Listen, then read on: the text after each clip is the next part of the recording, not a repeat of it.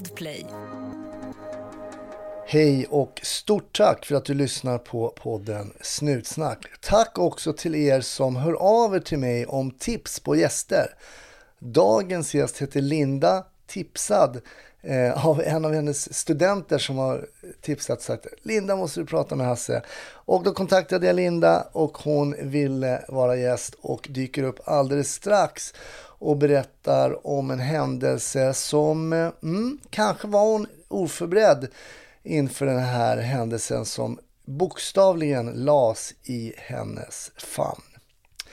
Ja, vi pratade även om lite våldsanvändning i Patreon-avsnittet, hur man kan förbereda sig för det och hur det är egentligen att utöva våld. Linda berättar i alla fall hennes personliga bild kring det.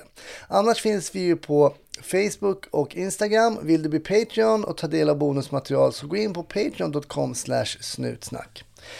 Ja, var nu försiktiga där ute trots att restriktionerna har släppts och så hoppas jag att du får en väldigt trevlig lyssning. 1310 1070 kom. 1310 Odengatan kom. Ja, det är uppfattat. Vi tar det. Slut. Bra. Klart slut. Vad kul! Linda, välkommen! Tack så jättemycket. Det är, det är lustigt sådär. Jag har ju, du har ju blivit nergolad av eh, en, i alla fall en av dina studenter eftersom du jobbar som lärare eh, på polisutbildningen i Malmö. Ja, det stämmer. Jag överväger fortfarande om han ska bli godkänd på utbildningen. Nej, jag bara skojar. Eh, han ställde faktiskt frågan innan så att, eh, och jag sa ja, så det är helt okej. Okay. du kan vara lugn Simon. Ja, mm. vad bra, vad bra. Det var ju väldigt mm. snällt. Han var inte anonym utan han har liksom berättat att han tycker du är en intressant polisprofil. Eh, det är väl ändå, det får man väl se som lärare som en komplimang. Ja, eller så blir man sådär. Men förmodligen är det att jag är så tydlig med vem jag är och han misstänker väl annars att jag hade jagat runt på hela skolan för att leta upp vem som hade ringt dig. Så att jag tror han tänkte att det är lika bra att lugna tanten från början. Kan vara så. Kan vara så. Mm. Jag vet ju att vi, är, vi är jämngamla du och jag. Vi är födda på, i slutet på det så kallade 60-talet. Ja. Eh, men när klev du in på skolan själv då?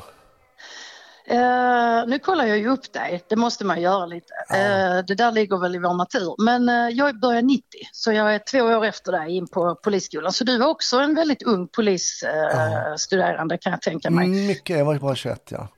Ja, och det var jag med i princip. Så att vi, man var ung, kaxig, ägde världen och sen ju äldre jag blivit så inser jag att jag äger inte ett skit. Men, men då gjorde jag i alla fall, så det är väl lite så.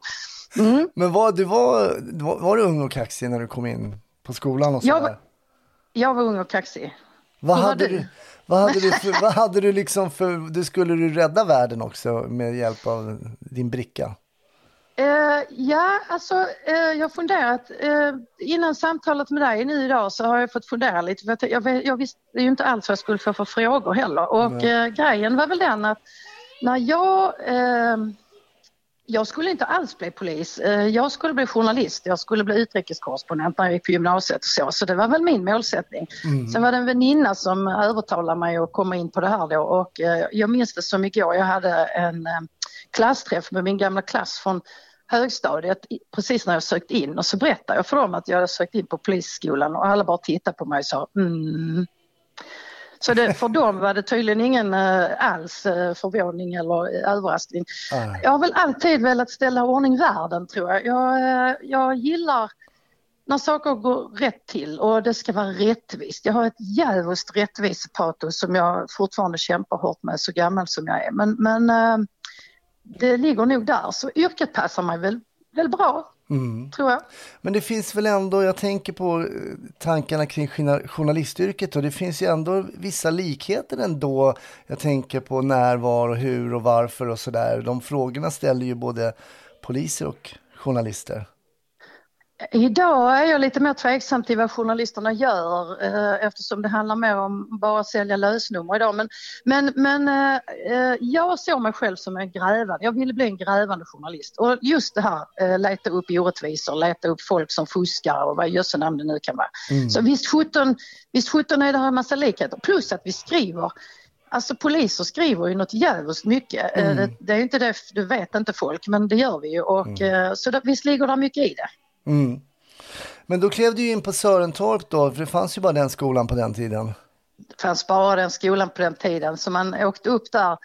Eh, hade aldrig bott, eh, ja man hade ju varit utanför gränserna. Eh, du vet att Skåneland är en tydlig gräns. Eh, sådär. Men, men, eh, Skåneland, det infattar väl även Blekinge va? Ja, ja, men alltså man vi har, ju, vi har ju några åsar där. Det finns eh, ett sånt här skämtgrupp som säger att man eh, spettens dag eller vad Jösse namn det kallar att man ska spetta loss Skåne. Eh, men, nej, men, men på fullt allvar, det, här- det var jättebra det här att flytta upp till Stockholm var ju spännande och, eh, och bo där ett år. Och så flyttade jag in med tre andra tjejer som jag aldrig hade träffat. Jo, vi har träffats en gång. Och sen skulle vi bo i ett hus ihop som vi hade hyrt. Ja. Ja, Hur var den, hur var den första, första året då? en gång till. Första året, hur var det? Eh, eh, Med tjejerna där och får man plugga lov att säga askul. Ja, de Ja. kallar oss skånska ambassaden och sen så, eh, eh, alltså vi hade jätteroligt. Eh, det hade vi verkligen, på alla håll och kanter. Det var faktiskt en rolig tid. Och sen är det ju, eh, alltså den här utbildningen, nu var ju den utbildningen jag står och håller idag som lärare ser väl inte riktigt ut som den utbildningen jag själv gick en gång. Men, men man blir ju en liten annan människa. Det, det är en extrem eh, invärtesresa man gör också med, eh, med det jobbet som vi får. Och det är ju ganska udda jobb och konstigt jobb. Och, ja. Då visste du var du skulle någonstans efter, eller när du skulle ut på praktik sen?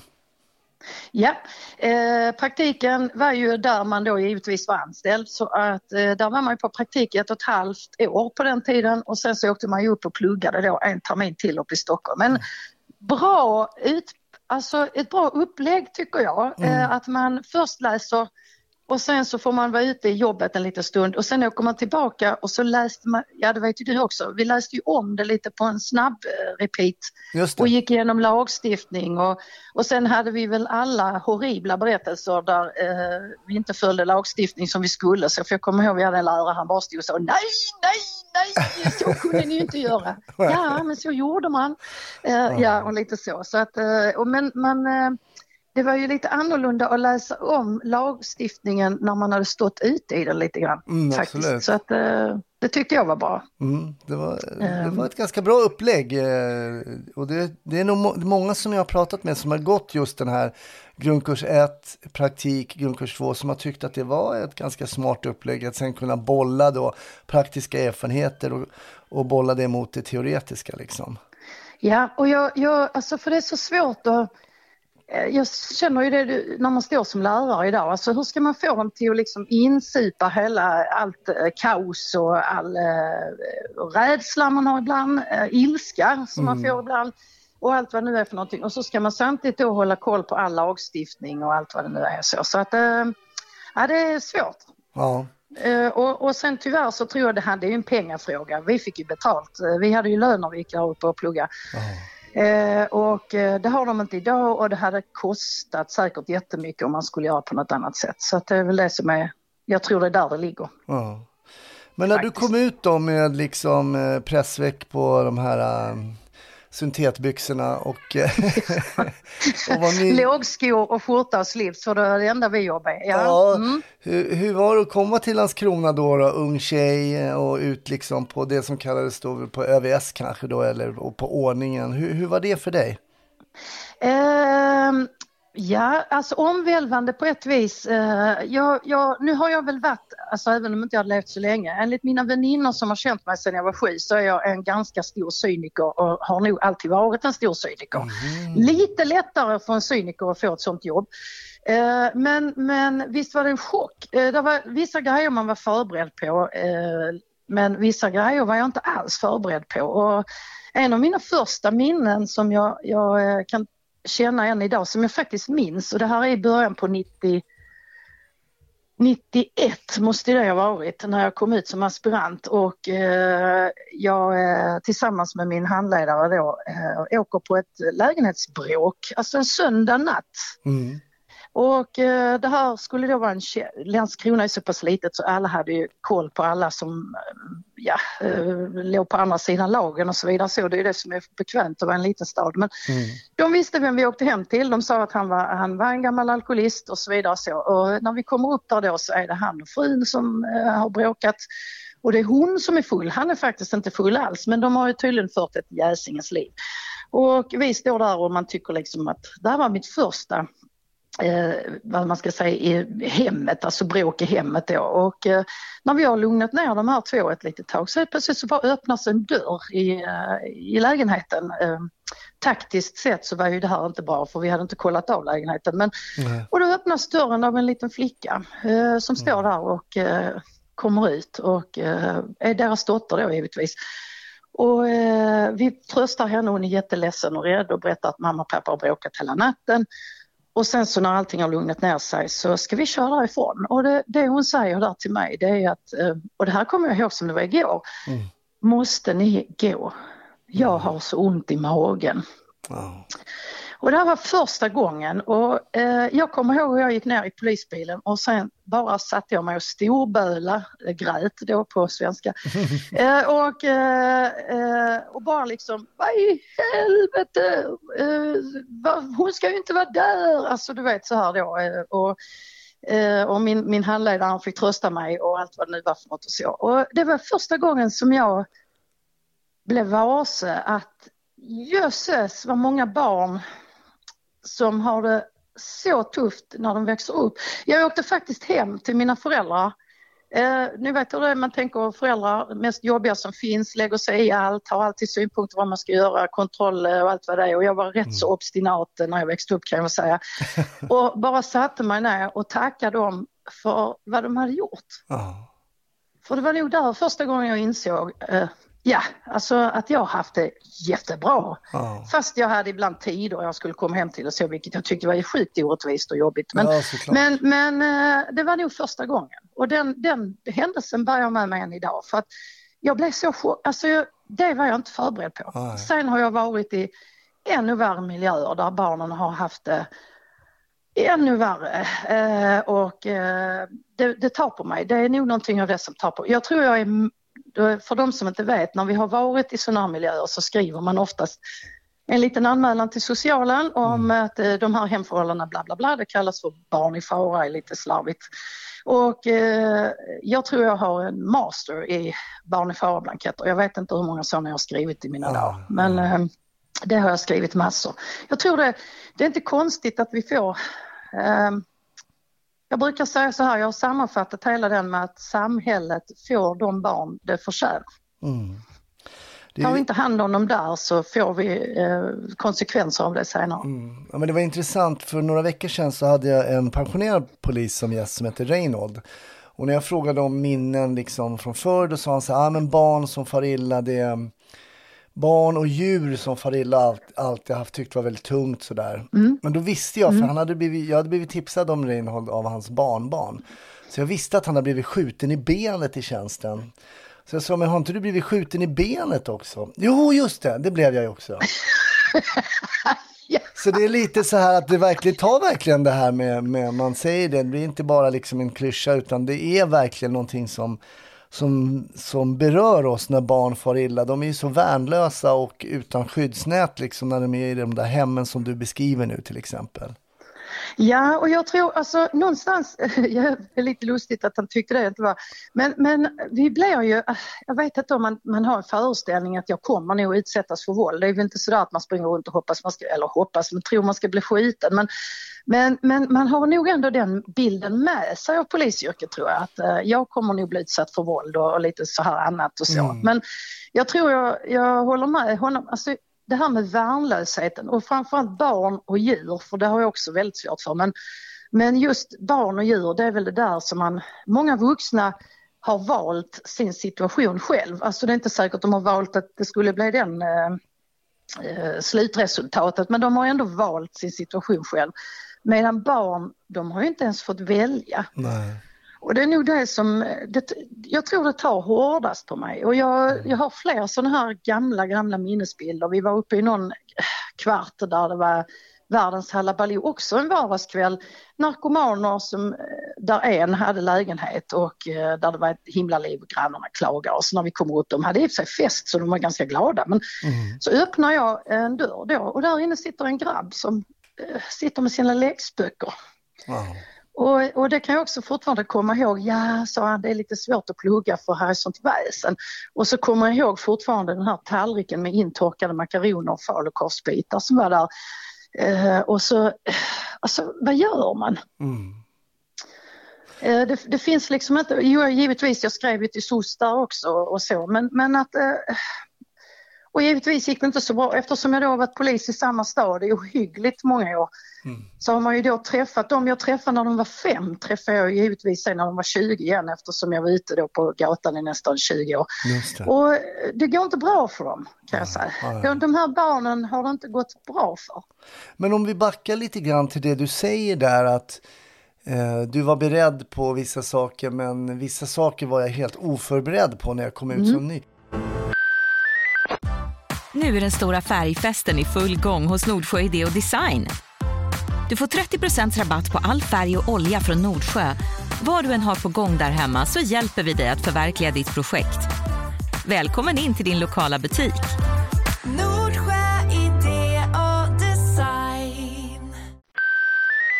Hur ska man då, du är ändå lärare, hur ska man liksom på något sätt kunna mentalt sätta de här eh, nya poliserna i någon form av startblock så att man är eh, beredd på det oförberedda? Kan man ens förbereda en, en ny polis för det? Ja, alltså jättesvårt. Eh, alltså hur många människor hur många människor som väljer, eh, här, nu måste jag dra, nu, nu, nu, nu kommer jag långt ut på sidan. Jag såg för länge sedan ett program som handlar om lärare och våld. Att lärare har väldigt svårt att hantera våld och så, eh, eh, elever som slåss och allt vad nu är och så. Eh, och så fanns det, så satt där i det här programmet någon eh, riktig, såg ut som en brottartyp då eh, och det visade sig att han var lärare men han hade varit något helt annat innan. Jag tror han har varit någon hamnarbetare eller något sånt här och varit en rätt så eh, busunge när han var liten. Så han sa att en av anledningarna är ju oftast att de som söker sig till lärare, de har vuxit upp i miljöer där det inte finns våld. Eh, Man har aldrig sett det och så vidare så och därför vet de inte riktigt hur man ska hantera det här. Så menar han på medan jag då, då jag har varit med om våld eller sådär. Det var lite kul men han hade en poäng. Och undrar egentligen hur många polis, de som söker in till polisen har egentligen sett det själv eller varit med om sådana här grejer. Det är väldigt obehagligt med våld eh, faktiskt. Eh, och det är inte så att jag kan förbereda dem att de ska titta på en massa våld heller för det är inte det det innebär. Nej. Utan det man måste förbereda dem, hmm, hur ska jag tänka som lärare, det är ju mer att hur agerar jag när jag hamnar i jättestress? Mm, exakt. Ja. Funkar jag då, alltså för det är ju en slags jättestress, framförallt om du blir utsatt för hot om våld och det finns en risk att de faktiskt tänker utöva våld på dig också. Men, men hur gör jag då? Eh, och det är väl den delen man får... Sen är det jättesvårt att förbereda ändå, för hur än vi förbereder på en skola så är ju allting bara fiktivt. Det är ju inte på riktigt Nej, riktigt. precis. Utan, eh, så att man kan ju alltid backa tillbaka i hjärnan lite när man börjar bli stressad. Ja, men det här är ju inte på riktigt. Det här är ju bara mina klasskamrater som agerar figuranter. Alltså, så man kan ju backa tillbaka. Man kan prata om det, prata om det, ge förutsättningar för hur man ska klara av stress. Men Mm. Ja, men jag tror att alltså, du, jag du, vet inte. Ja, men jag tror det ligger något just med stresskonen där och försöka hur man reagerar. För när man har hört olika händelser bara i den här podden till exempel så finns det ju händelser som är helt omöjliga att på något sätt nästan ens i fantasin konstruera för en blivande polis. Det kommer komma. Ja, det kommer alltså, vi har ju haft händelser när man har varit på ett sånt bråk som du berättar killen åker iväg med bilen, spränger sig själv och bilen framför då den här polisen. Som, det här var i Sundsvall hände det här. Hur kan man ens liksom mentalt veta att det ska på pappret ens kunna hända när man åker till jobbet? Folk som har tänt Ja. eld på sig själva och så vidare och så vidare. Det, det är helt, det är så absurt alltså. Det är absurt, men sen så tror jag också, alltså nu tänker jag bara på mig själv lite grann, att ju knasigare, alltså ju mer, eh, vad ska man säga, ju mer konstigt det är, desto lättare har jag haft för att ta in det, för att då tar man egentligen inte in det för det är så konstigt så att man, Ah, okej. eh, jag eh, har, eh, Ja, alltså eh, har jag ett konstigt yrke så har min man då, jag måste bara förklara det här för att jag ska komma vidare i historien. Min, min man har ett ännu konstigare yrke, han är begravningsentreprenör. Eh, och eh, när jag skulle skriva uppsats eh, till, på Polisskolan eh, och då får jag ju nämna vår eh, gamla lärare för han hade nog du också, Leif Brink som tyvärr har precis gått ur tiden. Alltså, han det? Ja, Ja, han har det. Jag såg i tidningen. Ja. Han tyckte det här var jätteroligt, eh, alltså jag skulle skriva om döden tyckte han, så det fick jag göra, det var min uppsats. Och eh, då var jag på begravningsbyrån en vecka och skulle bara precis praktisera för att se hur det var att jobba där då. Och eh, jag kan säga så här att eh, hämta alla de här gamla tanterna och farbröderna som har dött på sjukhus och så, det var tio gånger värre än att komma till någon som har skjutit huvudet av sig någonting, för det är så absurt så det tar man inte in, men de här döda människorna tog jag in. Så jag grät varenda dag, jag har aldrig gråtit så mycket. Jag grät och jag grät och jag grät när jag hämtade dem, jag grät när jag skulle hjälpa till och ordna med begravning. Till slut sa min man, nu får du ta och ge dig. Du kan inte... Jag hade sån huvudvärk varje kväll när jag gick hem så det var någonting i hästväg. Så mycket jag hade gråtit. Men ibland är det liksom, när det blir väldigt, väldigt extremt makabert, konstigt, eh, vad det nu är, så är det precis som kroppen slår ifrån lite. Okej. Svårt att säga, i alla fall de flesta gångerna på mig. Och man har en, det är ju det som är ganska uniform, det är massor med grejer med en uniform, men en av grejerna med uniform det är att när jag tar på mig den så blir jag lite mer att jag eh, blir kanske lite mer handlingskraftig, inte vet jag, Eh, men, men alltså att man, ja, eh, nu gör jag mitt jobb. Och så gör man det faktiskt. Men jag har nog reagerat väldigt olika mot dig, för jag har mer varit att jag har funderat så mycket kring de här grejerna som jag inte riktigt tycker är logiska. Jag tycker när logiken försvinner, då tycker jag det har varit jobbigt. Till exempel, som vi redan varit inne på, det här med om man barn får illa eller till och med någon har misshandlat sitt barn eller liksom sånt som jag liksom inte kan förstå hur, hur det går till i folks hjärnor liksom.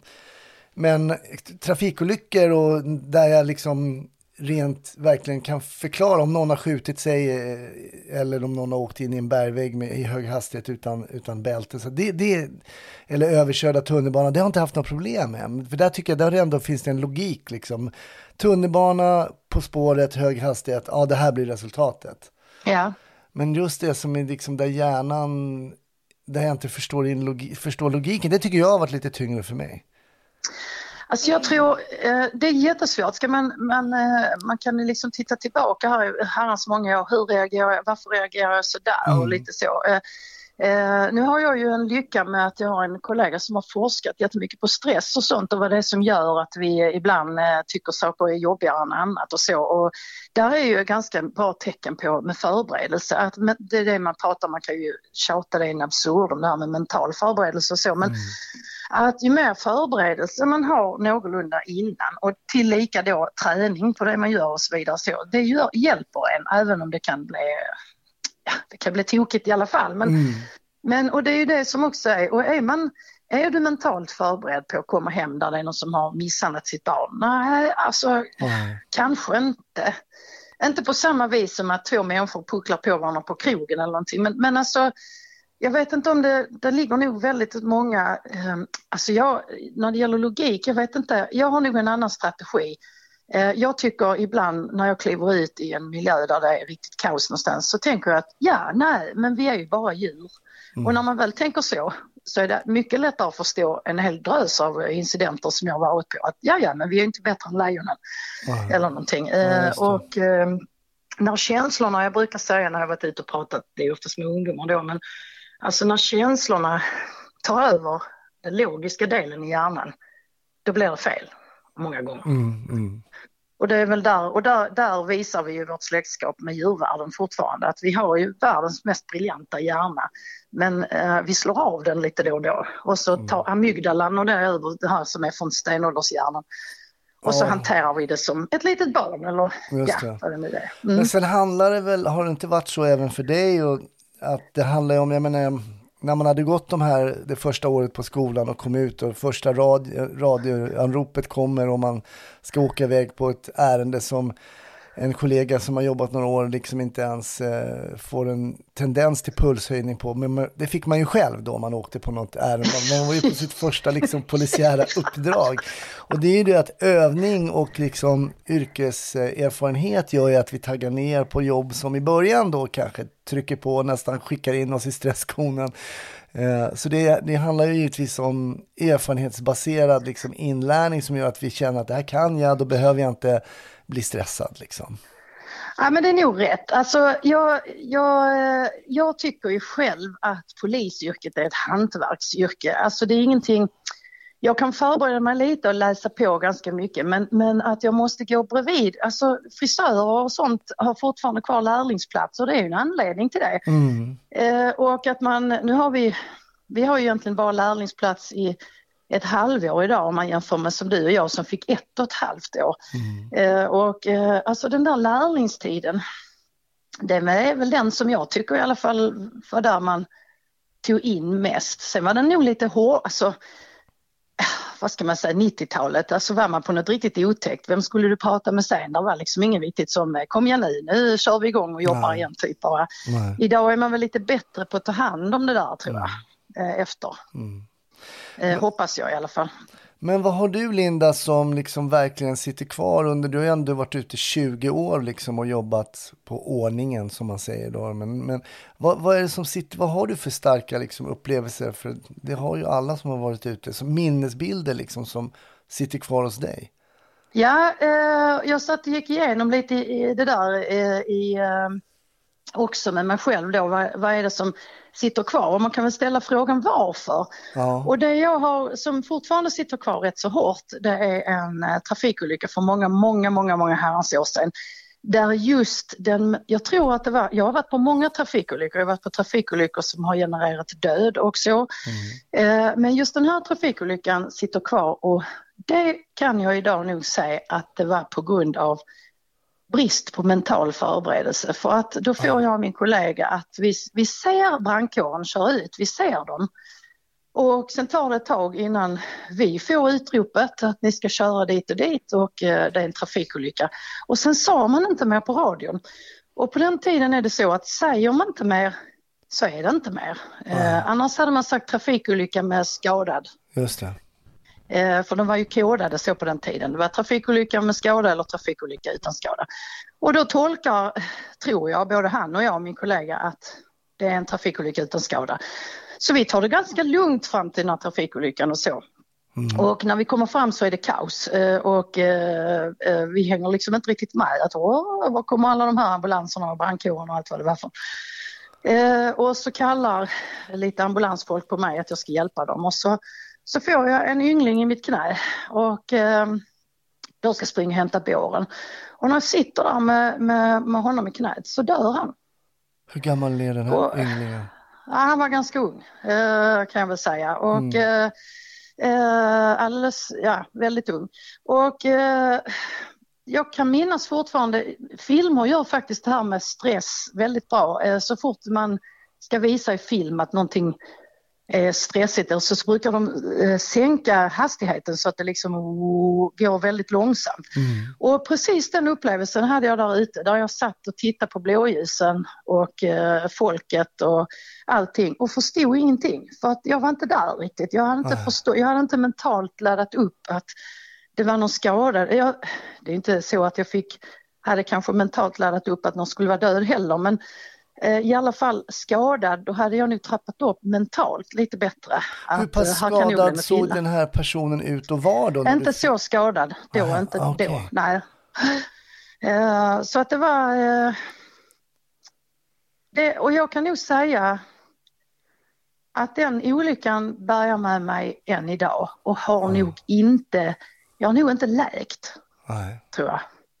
Men, Och, och sen har jag varit på andra sådana här dödsolyckor men jag tror då att jag har varit mer mentalt förberedd. De har nog förmodligen sagt innan att det är skadade eller vad det nu Jag vet inte. Jag har inte en aning varför just den här nej. överrumplade mig så. Hur märkte du att så att säga livet släcktes hos den här personen kontra när du fick honom i famnen då? Hur? Två andetag och sen slutade han att andas. Ja. Just det. Mm. Hade du varit med om någonting liknande tidigare?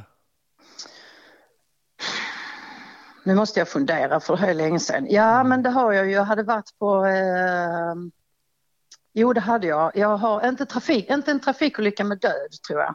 De kom efter sen, eh, flera stycken. Men, men eh, och där blev det inte alls, jag bär inte med mig dem på samma sätt utan det här är den och jag vet liksom inte, men jag tror idag nu när man analyserar det då så tror jag inte för att det var den första, för döda människor hade jag sett innan i andra sammanhang Mm. eh, med självmord och eh, massa sådana här. Men, men eh, just det här var, ja och den, den, jag kommer bara med mig den hela mitt liv tror jag. Jag tror inte jag blir färdig med den utan den gnager lite då och då och jag tänker på det lite då och då. Men jag Och det- förstår, hade du själv barn vid det här tillfället?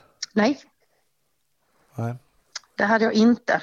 Eh, och det, eh, och där är ju också en relevant fråga. Eh, man lägger ju oftast in sina egna erfarenheter med saker och ting. Och man, ser man ett barn i samma ålder och så som råkar ut för någonting så blir det lite värre för det blir det. För man sätter in sitt eget barn oftast då eller någon annan situation. Men nej, jag hade inget sånt heller utan den här, den här är eh, Ja, den här kommer, den, den är, jag den släpper inte mig. Nu kommer en dum fråga här kanske, men när man sitter i det här fallet, sitter du med ett, ett barn då, eh, slash yngling i famnen som då du märker har dött. Vad, vad händer rent praktiskt liksom? Går du bort och lägger den här personen i ambulansen eller ropar du på någon? För du sitter först där själv i dina tankar och ser att allt går i slow motion.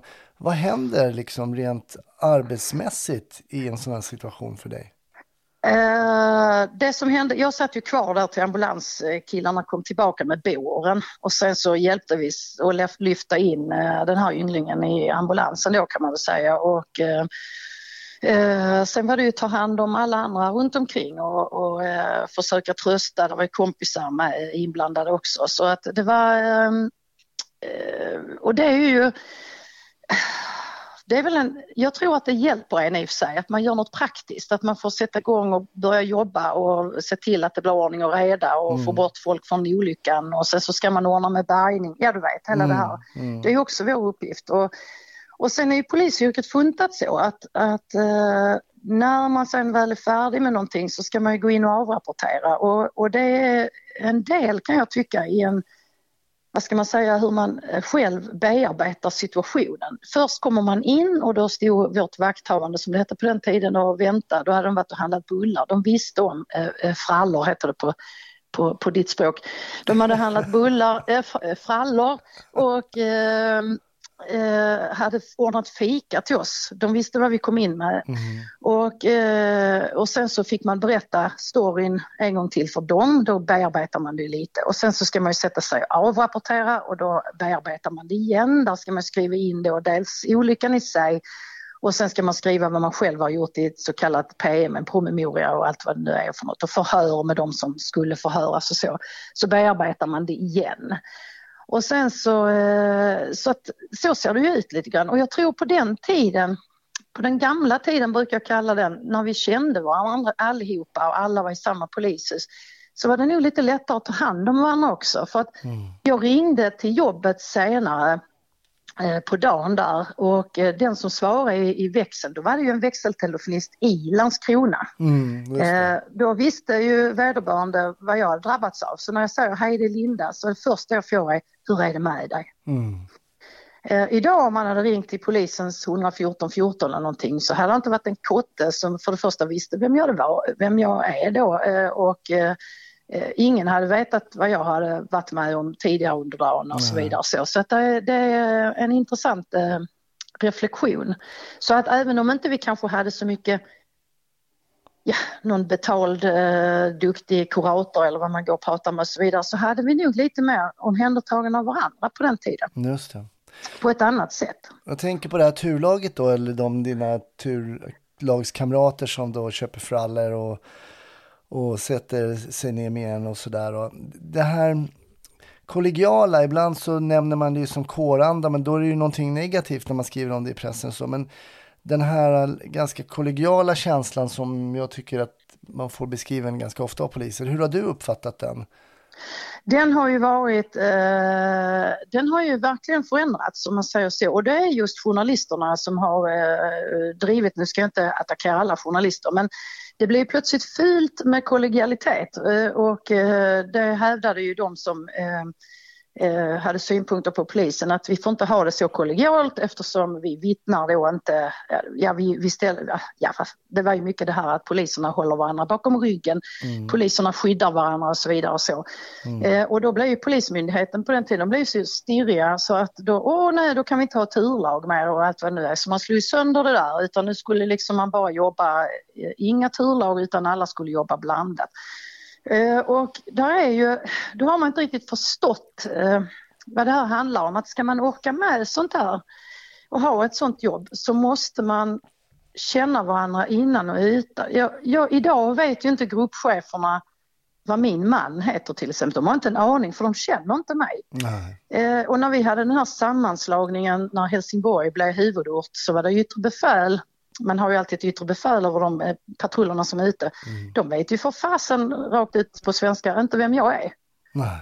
Så hur, hur ska de trösta mig? Alltså, Det är ju det som blir lite problemet här när det blir för stort och det blir för många. Eh, och jag tror att eh, på 90-talet där innan omorganisationen då hade man nog inte så mycket sån här hantering av någon kollega som har varit utsatt för något riktigt pressande och så vidare. Så. Men det var faktiskt ganska mycket bara med turlaget som hjälpte till.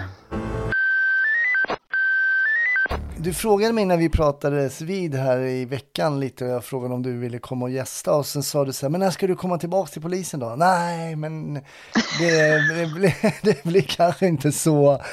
Och sen pratade vi lite om det här liksom känslan i mig gick tillbaka till de här turlagen och man skämtade mycket och så sa jag att ibland så kan jag, kunde jag uppleva, i alla fall då, jag jobbar inte inom polisen nu, men då och framförallt då kanske på 90-talet skulle jag säga, så hade vi väldigt högt i tak och man kunde skämta om väldigt mycket och sådär. Och så att det nästan hö- det var högre i tak uppfattade jag hos polisen än vad det är bland komiker. Och då sa du att det kanske är en generationsfråga, att det inte riktigt är lika samma idag. Ja, det tror jag. jag. Jag har ju förmånen nu som en gammal tant att bara röra mig bland massa unga, vilket är häftigt. Man känner sig inte alls lika ung utan jag känner mig ännu mer tvärgammal. Men, men eh, och då- måste jag bara dra en liten rolig historia om det. Håll bara fast vid tanken vad du frågar mig. Ja. Vi har en övning, just nu så håller jag på på skolan att lära poliser hur man ska avrapportera i vårt eminenta datasystem från 1990-talet. Eh, och eh, alla skriker högt och eh, ja så. Men eh, så har vi en som vi har döpt till discoanmälan då. Det handlar om att eh, man läser ett case, du kommer fram till disco, där är en som har fått på huvudet då. Hur ska du avrapportera och så? Och då är det en av eleverna som räcker upp och säger Linda vad är disco? Och då står man så och tittar på dem. Så, så, så va? sa jag då, för jag förstod liksom frågan. Vad menar du? Ja, vad är disco? Eh, ja, men alltså eh, ett ställe där man går ut och dansar. Jaha, du menar klubb? Eh, då tänkte jag att nu går jag in och stänger dörren och kommer aldrig ut igen för nu, nu är jag nog för gammal eller någonting. Men ja, eh, och nu har jag, nu ska vi se så jag kommer tillbaka till den här frågan. Jo, Jo. Eh, generations, alltså där är grejer som man ser. Nu har jag ju barn i den här åldern som mina studenter är i så jag är väl rätt så förberedd i alla fall. Mm. Vi har inte riktigt samma. Vi hade väl, på 90-talet hade vi nog betydligt en mer råare jargong också på något vis. Det var rått men hjärtligt som man kallar det för. Och idag är de inte funtade på det viset. Det är kanske är hjärtligt, det är däremot inte alls rått. Nej. Och det är kanske vi cyniker som gärna tycker om det lite mer råa eller att man biter av någon ibland och sådär. Att, eh, eh, jag ser ju bara på, det här är bara min egen reflektion, det här är ingen polisiär eller lärarreflektion, att, att man talar inte om för folk idag om de inte är bra på någonting till exempel. Eh, och det ser vi och det förstår jag för Idol vill ha de sortens program, att det ska komma upp någon som sjunger väldigt illa och göra bort sig inför hela tvn. Istället för att någon på ett tidigt stadie sa till den här människan att "Åh, ja, sjung gärna men gör inte det kanske Så alla ser publikt. och hör. Ja, eh, för att det är ingen som, det är ingen som tål att bli tillsagd idag heller. Nej. Eh, alls. Ja, så att jag känner väl, alltså tänk när man blir inkallad, det var inte så ofta jag blev det, men någon gång har jag blivit inkallad till kommissarien på den tiden när man stod i en hel sån här uppsträckning. Alltså hade man blivit det idag så hade man ju anmält kommissarien, man hade anmält myndigheten. Eh, alltså vi är, det är ett annat, För att man hade blivit kränkt kanske? det handlar ju om det. Det handlar ju definitivt om det. Att det är de, eh, nu, nu blir vi ju kränkta. Vi har börjat gå över till känslor istället igen. Istället för att kanske tänka igenom den här eh, tillsägelsen en gång och tänka att ja, de har ju faktiskt rätt. Och de säger inte det för att de är elaka utan de säger det faktiskt, ja, det, det är ju faktiskt så. Ehm, Så, så att det är ganska mycket. Eh, Och jag tror, jag tror ju att om man, jag tror bara att upplägget idag eh, gör att du inte lär känna varandra lika bra för att man är inte tillsammans på samma vis som vi var i våra turlag. ja, just det. Så att det är nog snarare den biten. Men att det är också lite, eh, och det gäller att vara med och vara eh, flexibel och kunna förstå och läsa av att här, här kan jag nog inte dra värsta skämtet om någonting och så. Men, eh, Nej. utan man får nog vara lite försiktig. Men om vi tar de som du som polis då jobbar med, om vi tänker att du kommer ut då, i, ja du kom ut i ja, början på 90 eh, och sen har du varit ute nu också i modern tid, alltså yrket som sig, eh, vi skämtade lite om uniformen, den är ju annorlunda, men alltså de du möter ute på gator och torg och sådär, hur kan du märka någon skillnad där också? Och, och där är jag fel person att fråga lite grann. För att fördelen med att vara i sin hemstad, i sin uppväxtstad eh, och eh, vara i en mycket liten stad och vara väldigt länge ute. Det är att jag lär känna alla människor, eller kände dem sen innan. Men, men att man, eh, människor är faktiskt duktiga på att se förbi uniformen. Framförallt, jag brukar alltid hävda att man slår inte på en polis vars ansikte man känner. Och det är lite grann att eh, de har en förmåga att se förbi uniformen. Och det är tyvärr idag, våra unga poliser idag får inte uppleva det på samma vis för de far och flyger. Oftast så i vårt område, nordvästra som det heter, som är Helsingborg, Ängelholm, Landskrona och hela Söderåsen. Där eh, åker du som en skottspole fram och tillbaka på massor med olika ställen. Så du Ja. lär ju aldrig känna någon. Ja. Eh, och mänskliga relationer handlar ju egentligen om att man måste känna varandra lite, förlita på varandra och så. Eh, så att jag, jag är lite fel att säga för att jag har ju då faktiskt inte så ofta eh, stött på eh, vare sig våld, jo våld har jag stött på men oftast kände man dem ju så att man kunde gå ut och börja säga namnet. Kom med här, jag ska prata med dig och så hade man förhoppningsvis ett rykte om sig vara en schysst polis och så så att man man, man hade en möjlighet att göra sig som ett namn mer eh, kanske än vad man kan idag. Ja. Och sen visst, klimatet är hårdare. Eh, där fanns väl, jag som kvinnlig polis då, jag har i sig inte reflekterat så mycket över eh, att jag har varit kvinna på det viset. Jag har väl varit lyckligt ovetande eller så har jag bara varit alldeles för kaxig. Eh, Jag har tänkt att det där kan jag också. Men, men eh, eh, på den tiden förr så, vi fick ju ensam patrullera, det var ju väldigt på modet då. Eh, där fanns, den kan jag väl säga en liten skillnad på. Det fanns en respekt för att nej, det var ingen som, det var lite tjuvhet och man slår inte på kvinnliga poliser. Den är borta idag. Jag tycker ju att, och det har vi, vi har ju plockat upp den här bollen lite också under poddens eh, gång, liksom att man tycker ju inte att man borde ens behöva vara forskare, för de sakerna du berättar eh, eh, låter ju så eh, bra, liksom att till och med du kan säga namnet på personen och personen också kan misstänka att du kanske till och med vet vad hennes eller hans morsa och farsa är. Alltså det är ju en otroligt liksom eh, socialt eh, greppbar situation där man, alltså social kontroll är inte oviktig för en människa. Eh, när man vet att oj, släkt och vänner kan få reda på hur dum jag har varit. Det är bäst jag sköter mig i alla fall nu när polisen kommer fram och så vidare. Och, så vidare. och den här anon- anonymiserade polisen som du nu berättar om eh, förstår man ju nästan att det blir större risk för till exempel att man mopsar upp sig eller ja, både kanske från båda håll då, men kanske då från den gripnes håll och särskilt kanske. Ja, och sen är det ju, det är ju inte, alltså det, det blir ju som två tuppar, alltså ja, nu är vi inne på djurbiten igen lite grann, att så fort man stänger ner den logiska delen så får man hantera det annorlunda. Men, men alltså, eh, ja, det är helt rätt. Eh, sen samtidigt så behöver du forskningen för ingen lyssnar idag på empiri. Alltså eh, någon som kommer med 20 års erfarenhet och säger att du, det där har jag lärt mig på gatan. Eh, det är inte fint. Eh, så ska du ta upp saker i det fina rummet då ska du helst ha eh, en massa högskolepoäng bakom och, så, och egentligen säger du samma sak, kanske lite finare ord, men, men eh, då får det plötsligt en annan tyngd. Eh, För det känner väl jag, jag läste någon sommarkurs här, en högskolekurs på våldet i samhället. Och när, ja, alltså när man jobbat eh, så länge så, så kan man nog det mesta om våldet. Så det var ju liksom inget nytt för mig. Det var att slå in öppna dörrar. Men okej, jag fick sju och en halv poäng så att jag får vara glad för det. Då. Ja. Men, men, men, men alltså, eh, så att, ja, det är väl bra att vi läser också. Jag tycker det är bra med kunniga poliser i sig eh, som eh, har läst lite mer. Eh, för att idag hinner de tyvärr inte kanske med det här hantverkslärandet som du och jag lärde oss på ett och ett halvt år snarare. De stackarna får liksom fem månader och sen, Ja. eh, sen är det slut. Eh, och, eh, eh, jag tycker ju fortfarande att det är ett extremt mycket hantverk där man verkligen behöver få träna i lugn och ro och man behöver få liksom komma in i det på ett annat sätt, smaka, känna, lukta. För det kan inte läsningen få det till att Nej. göra. Nej. Så att, eh, ja, svårt. Det är jättesvårt. Om du och jag, vi hade väl mer en praktisk polisutbildning och idag kanske den ligger mer på en teoretisk del. Um, rätt eller fel, vet inte. Jag önskar bara att de hade haft lite längre praktik för att lära sig hantverket tror jag. Ja, ja, jag fattar.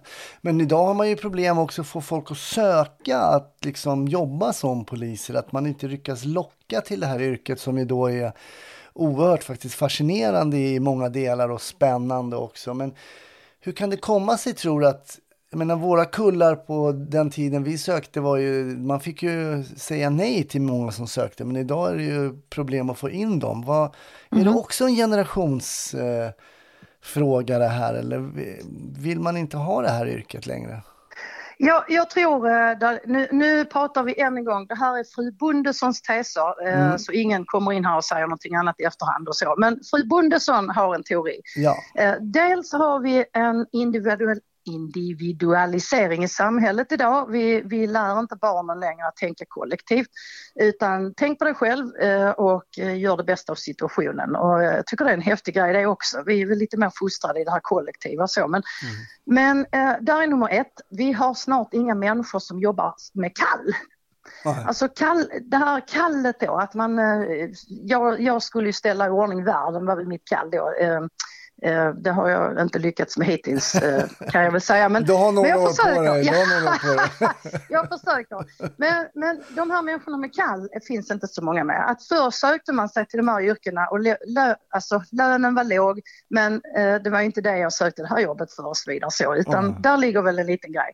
Idag är det individualister. Nej men vänta nu här, vad ska jag eh, sträcka ut snutan här och eh, näsan då alltså och riskerar att bli skadad för den lönen jag har till vilken nytta då och så vidare. Så där finns nog en liten, eh, där är nog en liten ingrediens i det här att eh, jag förstår inte kallet eh, riktigt mer.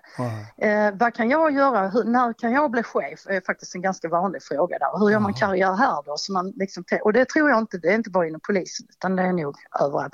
Alltså på vår tid fanns det knappt några chefer så att man visste ju från början att jag blev ju ingenting här i princip. Men, men och sen så, var det, ja. och sen så om vi ska då jämföra din och min situation, vi fick betalt.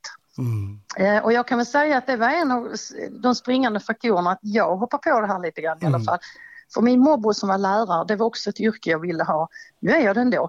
Men, men eh, det var att han sa att ah, men om du ångrar dig så har du råd att börja om. Mm. Och det hade han ju rätt i. Ja. Eh, och, eh, och sen så är det ju, nu, Polismyndigheten får ju skylla sig själv lite. De hittar ju på en massa andra grejer just nu eh, som är med utbildningar. Eh, om du är civilanställd inom polisen, och det säger jag inte att det är något fel att vara civilanställd så att ingen missförstår det här, så har du idag en möjlighet att gå en slags polisutbildning som är betald. Mm. Eh, och då känner jag någonstans, ja men herregud, då kan jag ju lika gärna börja som civilanställd på polisen och sen så får jag den där utbildningen betald. Så vad i jösse namn ska jag gå runt och ta studielån för Ja, ganska länge. Så att där är ju liksom, vi gräver nog lite själva också. Eh, och sen tycker jag tyvärr, framförallt när det gäller vårt yrke, att man har plockat bort ganska mycket yrkesstolt. Jag är en sjukt stolt polis, det ska jag lägga till. Jag är förbaskat stolt över vad jag har åstadkommit. Men, Men man har tagit bort stoltheten. Nej, men alltså, ordningshållning, det behöver inte polisen syssla med. Det gör eh, de förträffliga ordningsvakterna och väktarna och det gör de också, det gör det, det är jättebra. Men det behöver inte vi hålla på med. Eh, Det trevliga, att gå ut och prata med folk, det kan vi ha sådana här eh, obetalda volontärer till som gör allt det där trevliga, gå ut och prata och berätta om polisens verksamhet.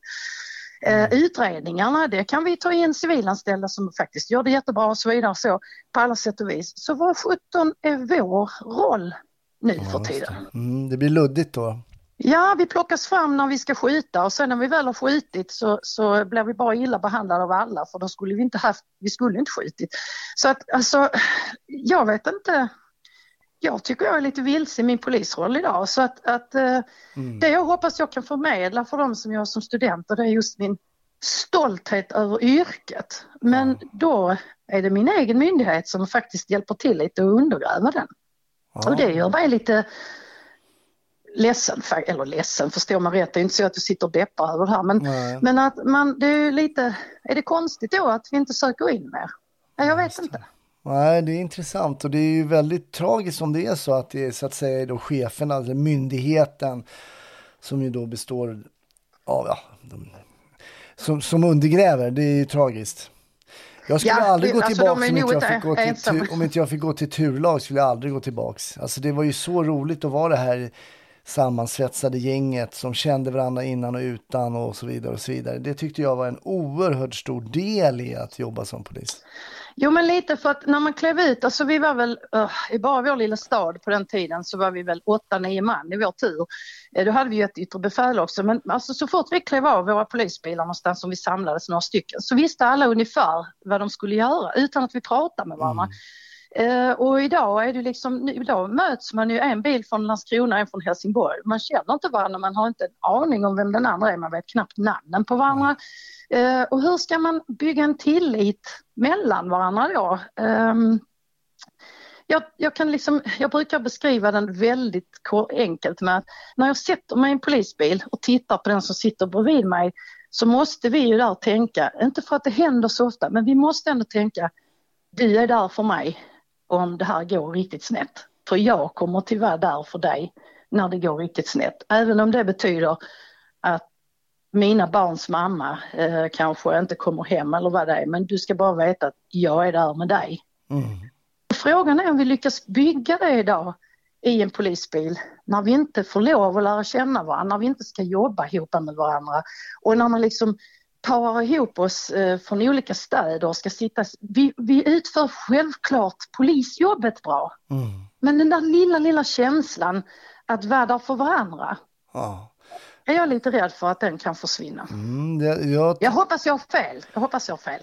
Ja, men jag tycker det låter väldigt intressant och det, det låter väldigt liksom mänskligt enkelt att förstå eh, att när man känner varandra bättre så blir det också ett bättre jobb. Det du beskriver att man har jobbat förut tillsammans man gör det konstant så vet man lite var och en styrkor och svagheter och vad, vad man är bra på när man kommer till en viss plats till exempel. Mm, alla har vi våra, alltså vi kan allt vårt jobb men någon är bättre på att göra det där, någon är bättre på att göra det där.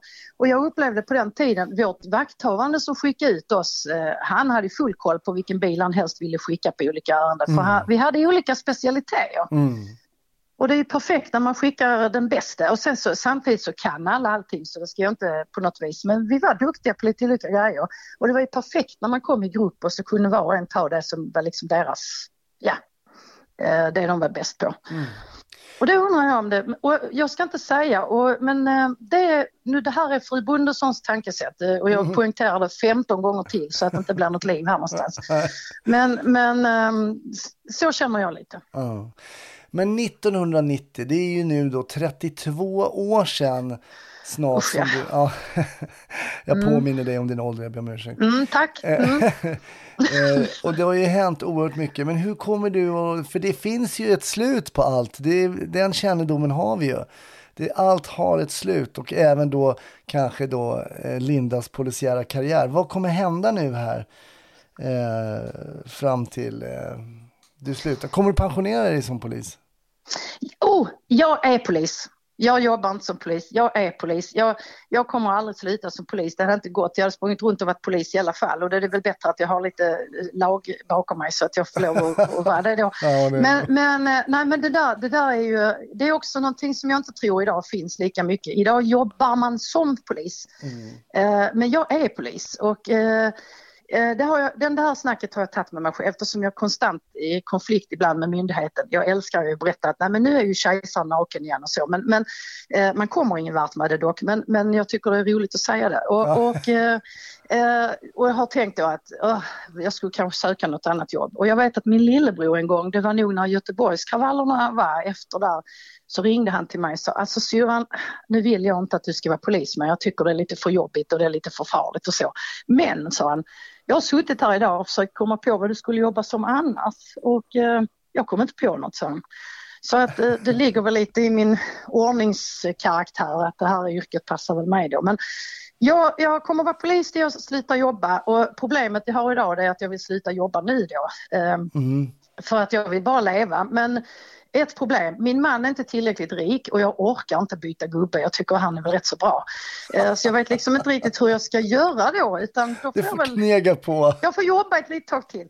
Sen är det ju skitskoj att träffa Ja, och så spelar jag inte heller, för det, ska man vinna betyder det att man först måste spela på någonting och så Ja, långt har jag inte det, kommit ja. heller. Men, nej, så att det som är kul nu att vara på skolan, du har ju själv, eh, du, har du också erfarenhet, Ja, alltså det är roligt roligt med de här unga studenterna Mm. som faktiskt Verkligen. ger en en annan livsenergi.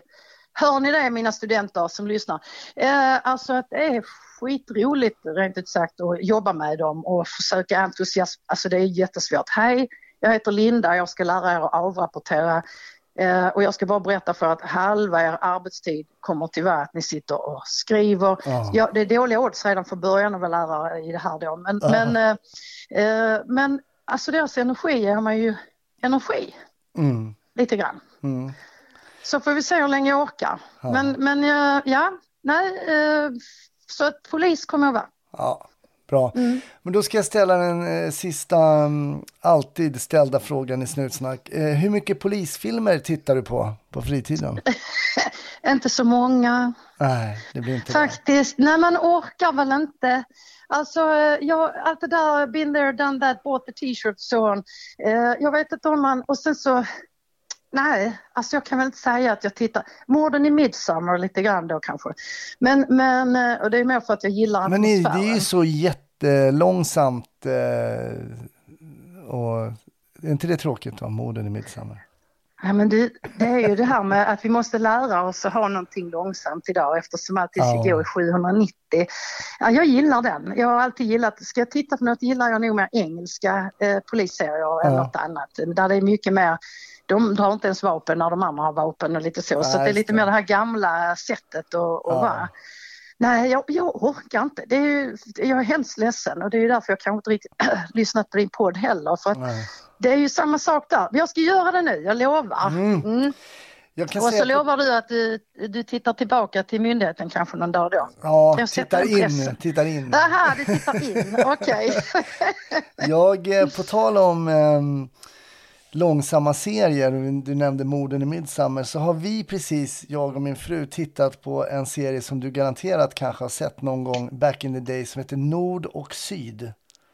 Den har jag, eh, en, ni har tittat på den nu alltså? Vi har tittat på den nu med Patrick Swayze, den är från 84 tror Mm. I jag. know, Och det I handlar know. Jag om, eh, jag tittade på den då kan jag väl säga. Men, ja, Inbördeskriget. Men den Ja. var ju hur bra som helst. Men man märker, och lite som du har varit inne på, eller vi har varit inne på det här med, det, det går liksom, det klipps lite snabbare idag. Eh, Ja, I scenerna och sådär. Men det finns en charm också i det där.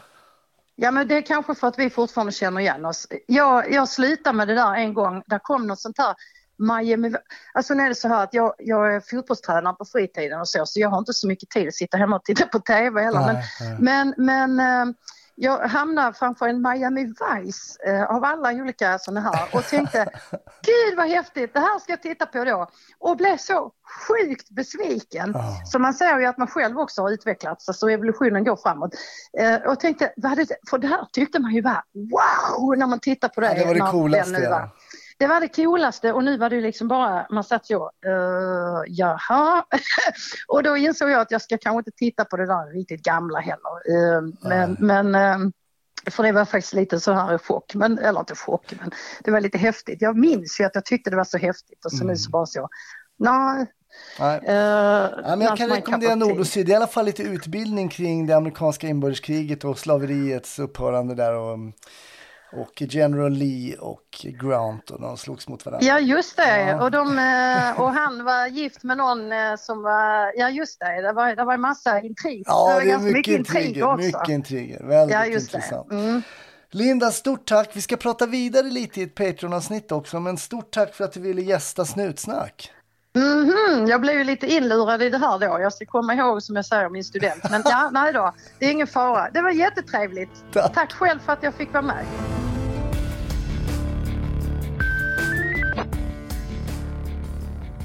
Sådär, Snutsnack är slut för den här gången, men givetvis är vi tillbaka i nästa vecka.